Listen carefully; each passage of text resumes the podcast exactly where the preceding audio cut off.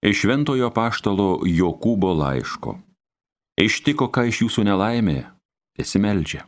Kas nors džiaugiasi, tegul gėda. Kas nors namuose serga, te pasikviečia bažnyčios kunigus ir jie tesimeldžia už jį patepdami aliejumi viešpaties vardu. Tikėjimo malda išgydys ligonį ir viešpats jį pakels, o jeigu jis būtų nusikaltęs, jam bus atleista. Tad išpažinkite vieni kitiems nuodėmės ir melskitės vieni už kitus, kad atgautumėte sveikatą.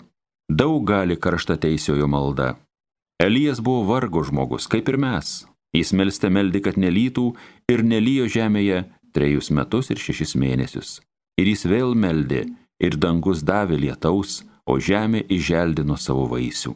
Mano broliai, jeigu kas iš jūsų nuklystų nuo tiesos kelio ir jeigu kas nors jį atverstų, te žino, kad, sugražindamas nusidėjėlį nuo klystkelio, išgelbės jo sielą nuo mirties ir uždengs daugybę nuodėmių.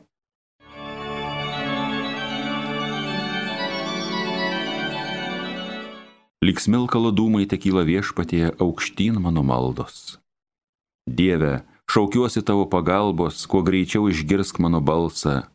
Lik smilkalo dūmai tekyla aukštyn mano maldos. Mano rankos iškeltos, lyg auka vakarinė, Lik smilkalo dūmai tekyla viešpatie aukštyn mano maldos. Viešpatie, sargybą statyk mano burnai ir apsaugą duok mano lūpoms. Į tave žvelgia mano akys viešpatie Dieve, pas tave bėgu, neleisk mano sielai pražūti. Lik smilkalo dūmai tekyla viešpatie aukštyn mano maldos. Alleluja.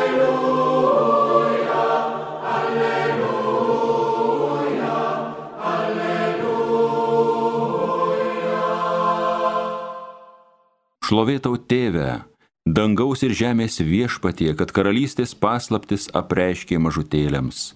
Alleluja, alleluja, alleluja.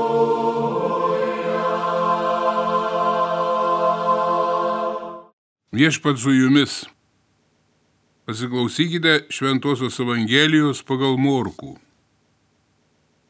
Jam nešė vaikučius, kad juos palytėtų, bet mokiniai jiems draudė. Tai pamatęs Jėzus užsirūstino ir tarė jiems. Leiskite mažutėliams ateiti pas mane ir netrukdykite, nes tokių yra Dievo karalystė.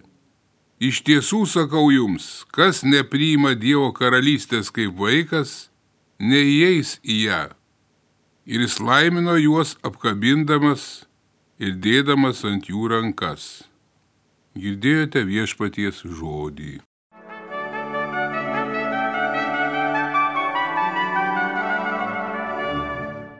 Mėly ir brangus, kada gilinamės į visą Kristaus gyvenimą, visą šitą istoriją, ypatingai aišku mums prieš akis pirmiausia iškyla suprantamiausiai žemiškas gyvenimas jį natūraliai Kristus pradėjo kaip ir mes. Juk buvo mažas vaikutis, žaidė ant motinos kelių. Tuo Jėzus kaip tik pašventino visą žmogaus kasdienybę, kad mes suaugusieji suprastume, koks didis yra tas mažas, verkęs žmogus, kuriam yra duotas ne tik žemiškas gyvenimas, bet pažadėtas ir amžinasis. Pagonių pasaulis nelabai mylėjo vaikus. Štai kodėl Kristus išleido net specialų įstatymą, kuris globoja vaikučius. Štai žinome žodžius iš Mato Evangelijos paties Kristaus. Žiūrėkite, kad nepapiktintumėte ne vieno šitų mažutėlių, nes sakau jums, jų angelai danguje visuomet mato danguje esančio tėvo veidą. Va kitoje vietoje Kristus kalba, ką girdėjome šiandien, nedrauskite mažutėliams eiti pas mane, nes tokių dangaus karalystė. Šiais žodžiais Kristus paskelbė vaikų globos įstatymą, kurį pasaulis sužinojo anksčiau negu atsirado visokios vaikų globojimo įstaigos, tai vaikų lopšeliai, darželiai ir panašius. Jei pats Jėzus Kristus taip mylėjo vaikučius, tai kokia didžiulė atsakomybė tėvams, mokytojams, auklėtojams, kaimynams, giminėms, pažįstamiems ir taip toliau. Didysis Prancūzijos šventasis Vincentas Paulietis viename apleistame Paryžiaus kvartale išgirdo verkiantį mažą silpnutį vaikutį. Dar kelios valandėlės jo gyvybė būtų užgesusi. Šventasis priglaudė šitą vaikutį į savo apseustą ir greitai parsinešė namo. Ta pati vakarą, galime sakyti, Paryžiuje atsirado pirmieji rastinukų vaikų namai. Pasaulyje yra labai daug žiaurių žmonių, kurie drįsta tyčiotis iš mažų vaikų, pasinaudoja jų silpnumu. Matome praktiškai, kiek yra visokiausių nusikaltimų šiais laikais visame pasaulyje prieš vaikus, prieš paauglius. Lygiai taip pat matome labai gerus, besirūpinančius tėvus, kad vaikas auktų ne tik tai sveikas, sotus, aprengtas, bet jis, kad turėtų dar kitokį dvasinį pagrindą. Bet štai dažnai pamirštama, kad vaikas turi ir nemirtingą sielą, kad vaikas neturi tik tai matyti, girdėti, sėdėti prie kompiuterio, prie mobilaus telefono Aišku, ten yra labai naudingų dalykų, bet kiek yra nuodingos informacijos.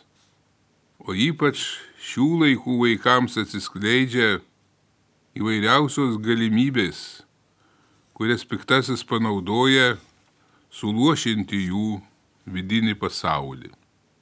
Kartą šventajam Jonui Venėjai vaikutis padovanojo puokštę gėlių. Tas kunigas jam švelniai padėkojo ir pasakė, vaikeli, gražios tavo gėlės, bet tavo siela yra dar gražesnė, to niekada nepamiršk. Vaiko juk vidinis pasaulis yra labai labai jautrus. Štai mūsų suaugusių žmonių neatsakingas žodis, elgesys, neigiamas pavyzdys labai sužeidžia vaiko sielos visą darną ir užnuodija vaiko nekaltumą. Visa graži nuoširdį namų aplinka, gražus tėvų elgesys, gražios krikščioniškos tradicijos namuose, papročiai, pačių tėvų religingumas, vaiko nekaltą pasaulį Tokie gražūs prisiminimai lydi iš savo vaikystės dienų, jeigu tokios buvo per visą gyvenimą. Štai kasdienis gyvenimas labai audringas. Kiek daug atsidūrėma įvairias uolas, kiek daug sunkumų, kiek daug gyvenimo išbandymų suaugusiems. Matome, kaip nelengva surasti gyvenime tikrą draugą tuomet kaip žiburys iškyla išlikęs gražus tėvų veidas, šventas motinos paveikslas ir pagaliau kilni visa namų aplinka, kuri lydėjo nuo vaikystės. Tad kokie budrus turi būti suaugusieji, kokie apdairūs tiek su vaikais, su savaisiais, tiek žinoma ir su visais svetimaisiais. Juk šiandieniai vaikai tai rydienos jaunimas, tai busimieji tėvai ir lygiai taip pat savų busimų tėvų senatvė, tai mūsų visų tautos ateitis. Jei vaikas labai prasmingai, kultūringai, šventai yra auklėjamas, jo prigimtis, aišku, yra imli gėriui, Turbūt kažkaip natūraliai tai gaunasi, turbūt piktasis suveikia, kad vaikas labai greit įsisavina tai, kas pikta. Bet lygiai taip pat, jeigu tinkamai skiepijamos jam geros darybės, jis ją nuo širdumų priima. Prisiminkime, kad ir patys iš savo vaikystės, tuos pačius šviesiausius žmonės, kurie mums visam gyvenimui įstrigo kaip kilnaus žmogiškumo į krikščioniško gyvenimo pavyzdys. Juk ir ne vienas jų mums patiems padėjo apsispręsti mūsų pašaukimo kelyje.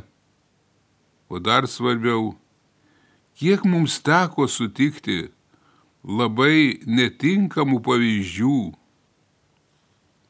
Bet brangieji, net sutikę patį blogiausią žmogų, kas jis bebūtų, kokios profesijos, kokio įsilavinimo, kokiame rangė būtų, niekada nepasmerkime nes niekas nežinome savo ateities. Bet svarbiausia, melskime su ypatingu nuoširdumu už tuos žmonės, kurie klysta. Tikrai turime pastebėti, kad vaikuose juk yra tikrai labai daug to gražaus uolumo, kokie jie ypatingai šiandien yra nuo pat mažiausių dienų imlus jie noriai dalyvauja išmintingai vadovaujamuose gyvenimo įvairiuose bureliuose, organizacijose, visur, kur yra siejama to gėrio sėkla. Ir kuo daugiau tokių dalykų jie susiduria, tuo jų vidinis pasaulis tampa šviesesnis. Žymus prancūzų žurnalistas Liudvikas Vejo pasakoja, kada jis buvo netikintis, bet savo žmonai jis netrukdė vaikus auklėti religiniai dvasiui. Iš tai pirmajai komunijai ruošiasi pats mažiausias, padykęs ir daug rūpešių sukėlęs tėvams vaikas. Ir prieš tą didįjį savo gyvenimo įvykį labai pasikeitė jis ateina pas savo tėvelį ir parašo, kad jis eitų kartu su juo prie Dievo stalo. Iš tai didieji ledai buvo pralaužti, paties tėvo sieloje atgimė tikėjimo ugnelė, kuri jau niekad gyvenime daugiau neužgeso. Dar labai svarbi pareiga tėvams vaikučius išmokyti melstis juos pratinti prie Dievo, atsivesti į bažnyčią, nuoširdžiai kalbėti su jais apie viešpatį, subažindinti juos su brangiausia motinėlė Marija, aiškinti, kas tie yra šventieji, kodėl jie tokiais tapo. O žinoma, aišku, ypač svarbus pačių tėvų maldos pavyzdys. Jeigu tėvai niekad nesimeldžia, vaikas tikrai abejotinai ar melsis. Lygiai tokia pat atsakomybė ir tikybos mokytojams. Jei tik teoriškai kalbėsi apie tikėjimo tiesas, o neišmokysite vaikų melstis, gali būti tuščios jūsų pastangos. Tikybos tai ne matematikos pamokos. Auklėjimo pats didžiausias pavyzdys yra šventoji šeima gyvas paties Kristaus pavyzdys. Krikščionybės istorija patvirtino nenuginčiamą tiesą, kad bažnyčia yra didžioji auklėtoja tiek žmonių sąžinės, tiek ir jų viso gyvenimo. Ji kovoja prieš gyvenimo blogį ir su nusikaltimais, o suklydusius savo vaikus nepasmerkia, bet kviečia atgailai maldai, atsiteisimui ir naujam pataisytam gyvenimui. Atsiminkime, pasaulyje veikia gyvoji šventoji dvasia. Tik reikia ją įsileisti, reikia norėti, reikia kviesti į savo vidinį pasaulį. Tad brangieji, leiskime mažutėliams ateiti pas Kristų ir netrukdykime jiems nes tokių yra dangaus karalystė. Amen.